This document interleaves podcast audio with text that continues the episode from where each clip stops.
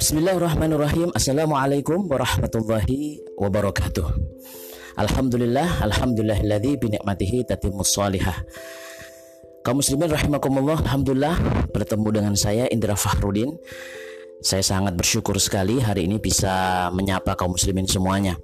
Pada kesempatan yang berbahagia ini kita akan bersama-sama membahas atau membedah buletin dakwah kafah buletin pekanan setiap terbit setiap hari Jumat. Edisi ke-122 pada edisi ini kita akan membahas tentang cinta harta dan kekuasaan sumber malapetaka Baik, Allah Subhanahu wa taala itu telah menciptakan pada diri manusia ghorizatul baqa, yakni naluri untuk mempertahankan eksistensi dirinya. Dan ini merupakan satu fitrah yang tidak bisa dihilangkan dalam diri manusia. Salah satu perwujudannya adalah kecintaan manusia kepada harta dan kekuasaan. Dan ini sebenarnya tidak salah ketika manusia e, memiliki naluri ingin berkuasa, cinta kepada kekuasaan. Allah Subhanahu wa taala menyebutkan di dalam Al-Qur'an di dalam surah Ali Imran ayat yang ke-14. Allah Subhanahu wa taala berfirman, "Zina lin-nasi hubb syahawati minan nisa'i wal banina wal qanatiril munqantarati minadh-dhahabi wal fiddati wal khailil musawwamati wal an'ami wal harthi. Dzalika madaul hayatid dunya wallahu 'indahu husnul ma'ab." Masya Allah telah dijadikan indah pandangan manusia kecintaan kepada apa-apa yang dia ingini jadi Allah SWT itu memberikan kepada manusia fitrahnya beberapa cinta yang dia inginkan dalam dirinya. Yang pertama adalah minan nisa'i kepada wanita-wanita. Kemudian adalah anak-anak, harta yang banyak baik dari jenis emas, perak, kuda-kuda pilihan, binatang ternak dan sawah ataupun ladang. Itulah kesenangan hidup di dunia namun di sisi Allah tempat kembali yang baik yaitu adalah surga ketika kita diberikan oleh Allah Subhanahu wa taala beberapa kecintaan dunia tadi itu jangan sampai kecintaan itu melalaikan kita kepada kenikmatan surga baik Ikhwani rahimakumullah Allah subhanahu wa ta'ala juga e, berfirman Yang ini menjadi satu peringatan kepada kita Posisi tentang harta. Ya supaya kita tahu Allah SWT berfirman wa'lamu annama amwalukum wa auladukum fitnatun wa annallaha indahu ajrun adim. Dan ketahuilah bahwa hartamu dan anak-anakmu itu hanyalah sebagai cobaan. Sesungguhnya di sisi Allah pahala yang besar. Jadi satu sisi Allah memberikan kepada kita satu fitrah untuk cinta kepada harta ataupun juga nanti juga kekuasaan yang semuanya itu ternyata dalam sisi Allah e, merupakan satu fitnah. Fitnah di sini adalah satu cobaan supaya manusia itu e, waspada. Begitu juga di dalam surah At-Taghabun ayat yang ke-15 Allah juga sama memberikan satu warning kepada kita. Innama amwalukum wa auladukum fitnatun wallahu indahu ajrun azim. Bahwa sesungguhnya hartamu dan anak-anakmu hanyalah cobaan bagimu. Di sisi Allah pahala yang yang besar. Berikutnya hadis riwayat Imam At-Tirmidzi bahwa nanti kita setiap orang itu akan e, di akhirat akan ditanya empat perkara. Salah satunya itu adalah tentang hartanya. Tentang harta, Allah nanti itu akan bertanya kepada kita dari mana harta itu kita dapatkan, ya, dan dari mana dan untuk apa harta itu kita e, infakkan atau kita belanjakan. Maka kita harus me menyadari betul bahwa harta yang kita miliki nanti itu harus benar-benar bisa kita pertanggungjawabkan dari mana kita mendapatkannya dan e, untuk apa kita membelanjakan tersebut. Dua-duanya ditanya dan dua-duanya harus benar, harus halal dan thayyib. Berikutnya, setiap muslim harus mengendalikan cinta pada hartanya. Oleh sebab itu, setiap muslim itu setelah kita memahami beberapa paparan nas-nas di atas, maka setiap muslim harus mengendalikan cintanya pada hartanya.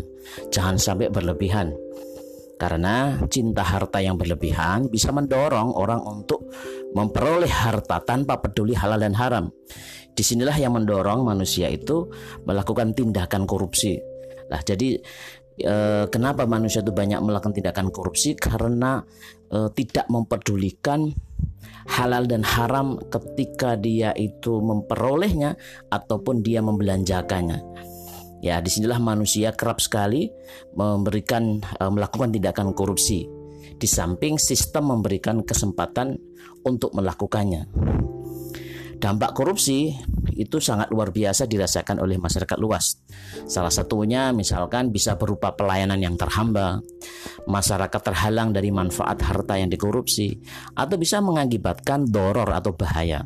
Ketika yang dikorupsi adalah dana pembangunan proyek tertentu misalkan. Karena dikorupsi oleh boleh jadi kualitas bangunan dan fasilitas menjadi menurun yang akibatnya bisa menimbulkan bahaya dan malapetaka bagi masyarakat. Coba kita simak ya, data KPK itu update eh, tanggal 30 September 2019 dari tahun 2004 sampai 2019 ada eh, seribu eh, ada 1007 perkara. Jadi ada 1007 perkara korupsi yang ditangani oleh KPK. Subhanallah. Ya, kalau kita rinci itu ada 661 penyuapan Bayangkan ya 661 penyuapan, 205 korupsi pengadaan barang dan jasa, 48 penyalahgunaan anggaran, 34 tindakan pidana pencucian uang, dan 10 kasus merintangi eh, perkara KPK.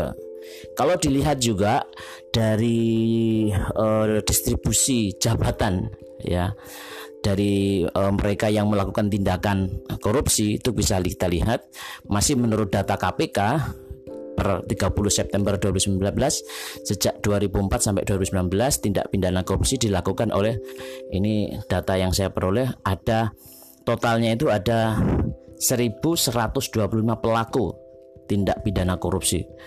21 orang gubernur, 115 orang wali kota, 257 anggota DPR, atau DPRD, 28 kepala lembaga kementerian, 4 duta besar, 7 komisioner, 213 pejabat eselon 1, 2 dan 3, 22 eh, hakim, 10 jaksa, 2 polisi, 12 pengacara, 287 jika swasta dan 141 eh, lainnya dan eh, korporasi.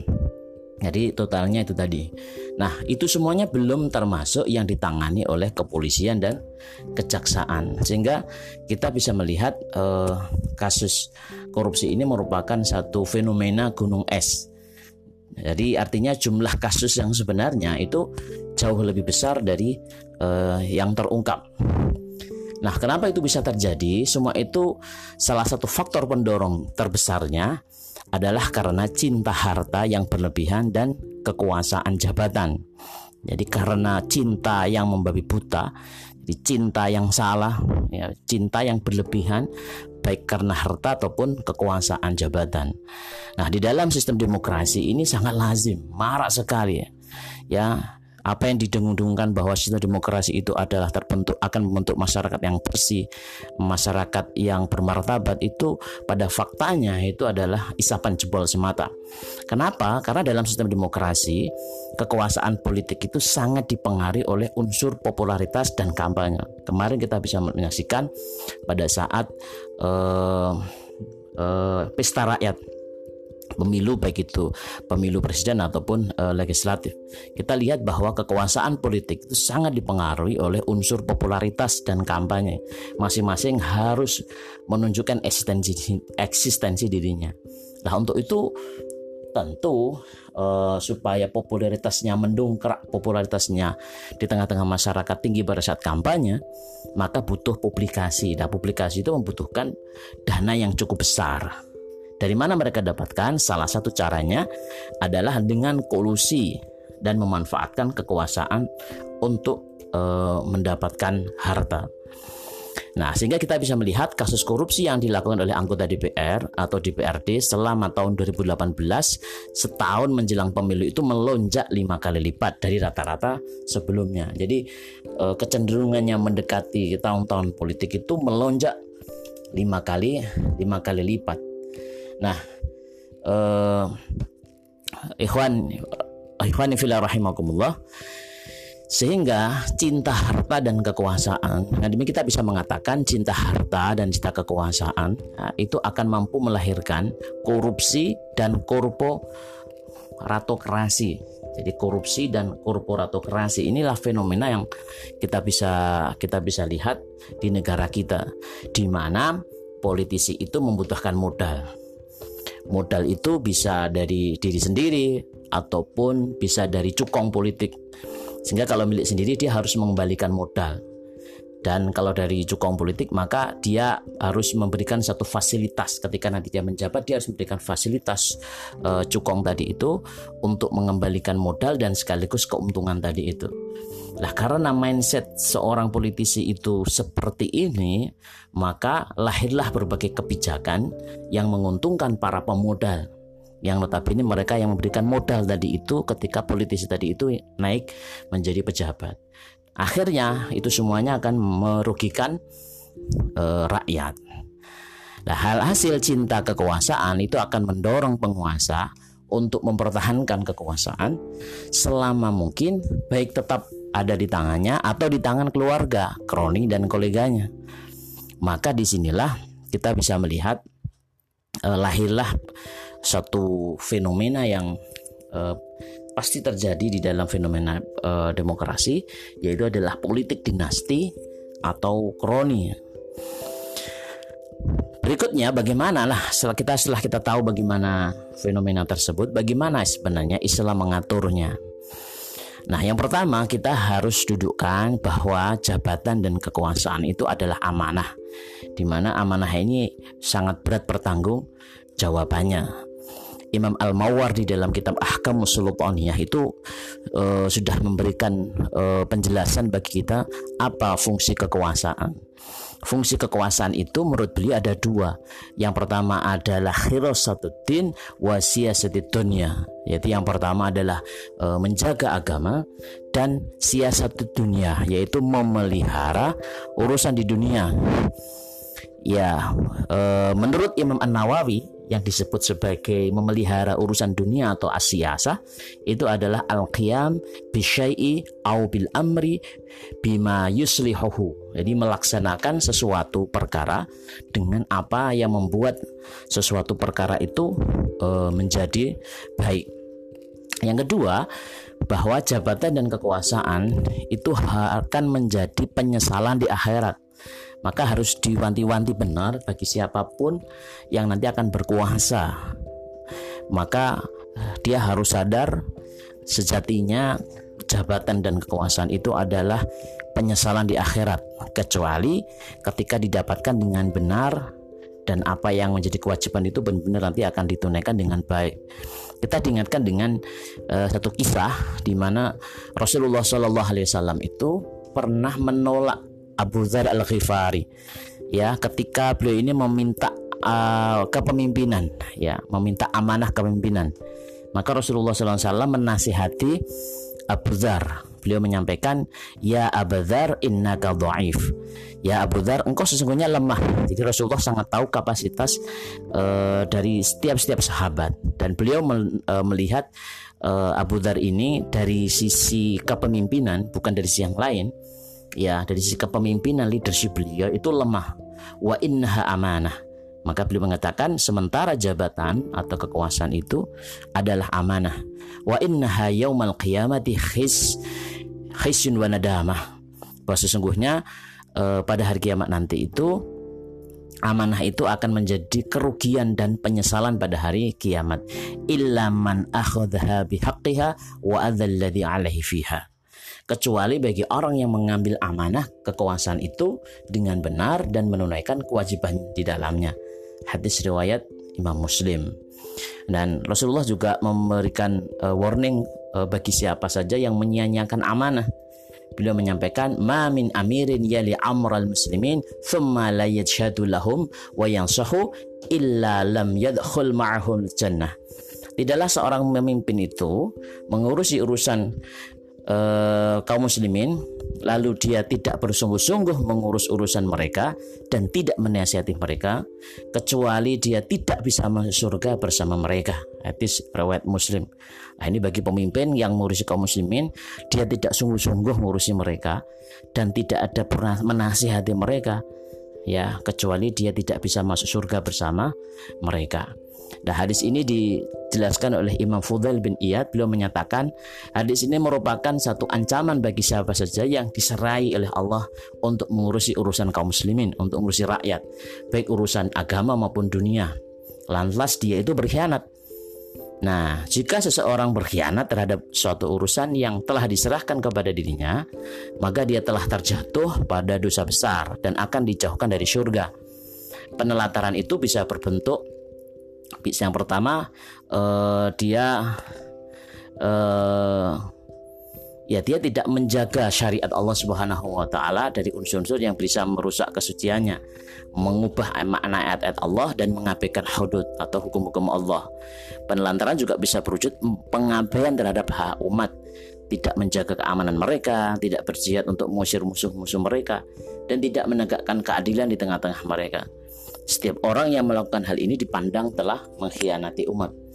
Di dalam kitab ya, menurut Imam An Nawawi di dalam syarah uh, Sahih Muslim. Nah, kaum muslimin rahimakumullah, setelah kita melihat misalkan ada uh, penyelewengan yang terjadi uh, di tengah-tengah pemimpin kita, ada penyelewengan amanah kekuasaan, maka kita diminta untuk apa? Tidak boleh tinggal diam apa yang kita lakukan adalah wajib melakukan amar ma'ruf nahi mungkar. Di dalam hadis Rasulullah sallallahu alaihi wasallam menyampaikan la ta'murunna bil ma'rufi wa la tanhauna 'anil munkari aw la yusallitanna 'alaikum syirarukum fayadha'u khiyarukum fala yustajabu lahum. Adalah kalian benar-benar menyuruh perbuatan yang ma'ruf dan benar-benar melarang perbuatan yang mungkar. Atau bila kalian tidak lakukan itu, maka Allah akan menjadikan orang-orang jahat di antara kalian berkuasa atas kalian. Nah, akibatnya banyak sekali kejahatan dan kemungkaran yang diperbuat oleh uh, pemimpin tersebut atau pejabat tersebut. Lalu orang-orang baik di antara kalian itu berdoa untuk menghilangkan kejahatan itu. Sayangnya fala yustajabulahum. Sayangnya doa mereka itu tidak diijabah atau tidak diterima oleh Allah Subhanahu wa taala. Nah, Uh, rahimakumullah kaum muslimin dimulakan oleh Allah. Uh, oleh karena itu kaum muslimin itu wajib ya setelah kita tahu semuanya uh, kaum muslimin itu wajib memperjuangkan syariah Islam agar segera bisa diterapkan secara kafah dengan seperti itu insya Allah cinta harta dan kekuasaan itu dapat dikelola dengan benar sehingga uh, menjadi berkah kaum muslimin rahimakumullah uh, pemirsa pen, uh, pembaca rahimakumullah Uh, demikian tadi uh, sedikit penjelasan atau kita bedah uh, buletin dakwah kafah edisi 122 dengan tema cinta harta dan kekuasaan sumber malapetaka. Semoga bisa kita ambil pelajaran dan hikmahnya. Kurang lebihnya mohon maaf. Wassalamualaikum warahmatullahi wabarakatuh.